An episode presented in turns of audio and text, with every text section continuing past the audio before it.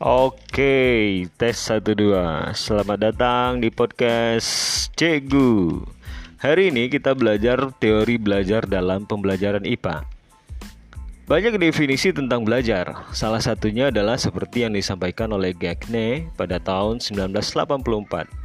Belajar dapat didefinisikan sebagai suatu proses di mana suatu organisme berubah perilakunya sebagai akibat dari pengalaman.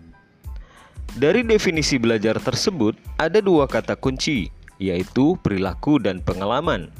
Perilaku menyangkut aksi atau tindakan yang menjadi perhatian utama adalah perilaku verbal dari manusia.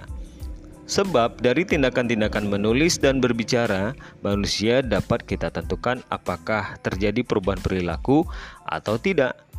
Perubahan dari kata ba ba menjadi bapak atau perubahan dari menuliskan sesuatu dengan cara yang salah menjadi benar memungkinkan kita untuk menyimpulkan bahwa belajar telah terjadi. Baik, komponen kedua dalam definisi belajar adalah pengalaman. Hal ini membatasi macam-macam perubahan perilaku yang dapat dianggap mewakili belajar.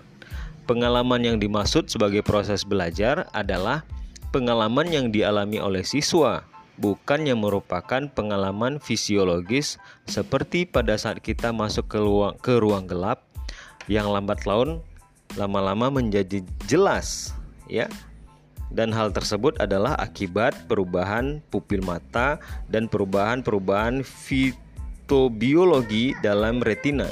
Hal ini merupakan sesuatu yang fisiologis dan tidak terwak dan tidak mewakili belajar.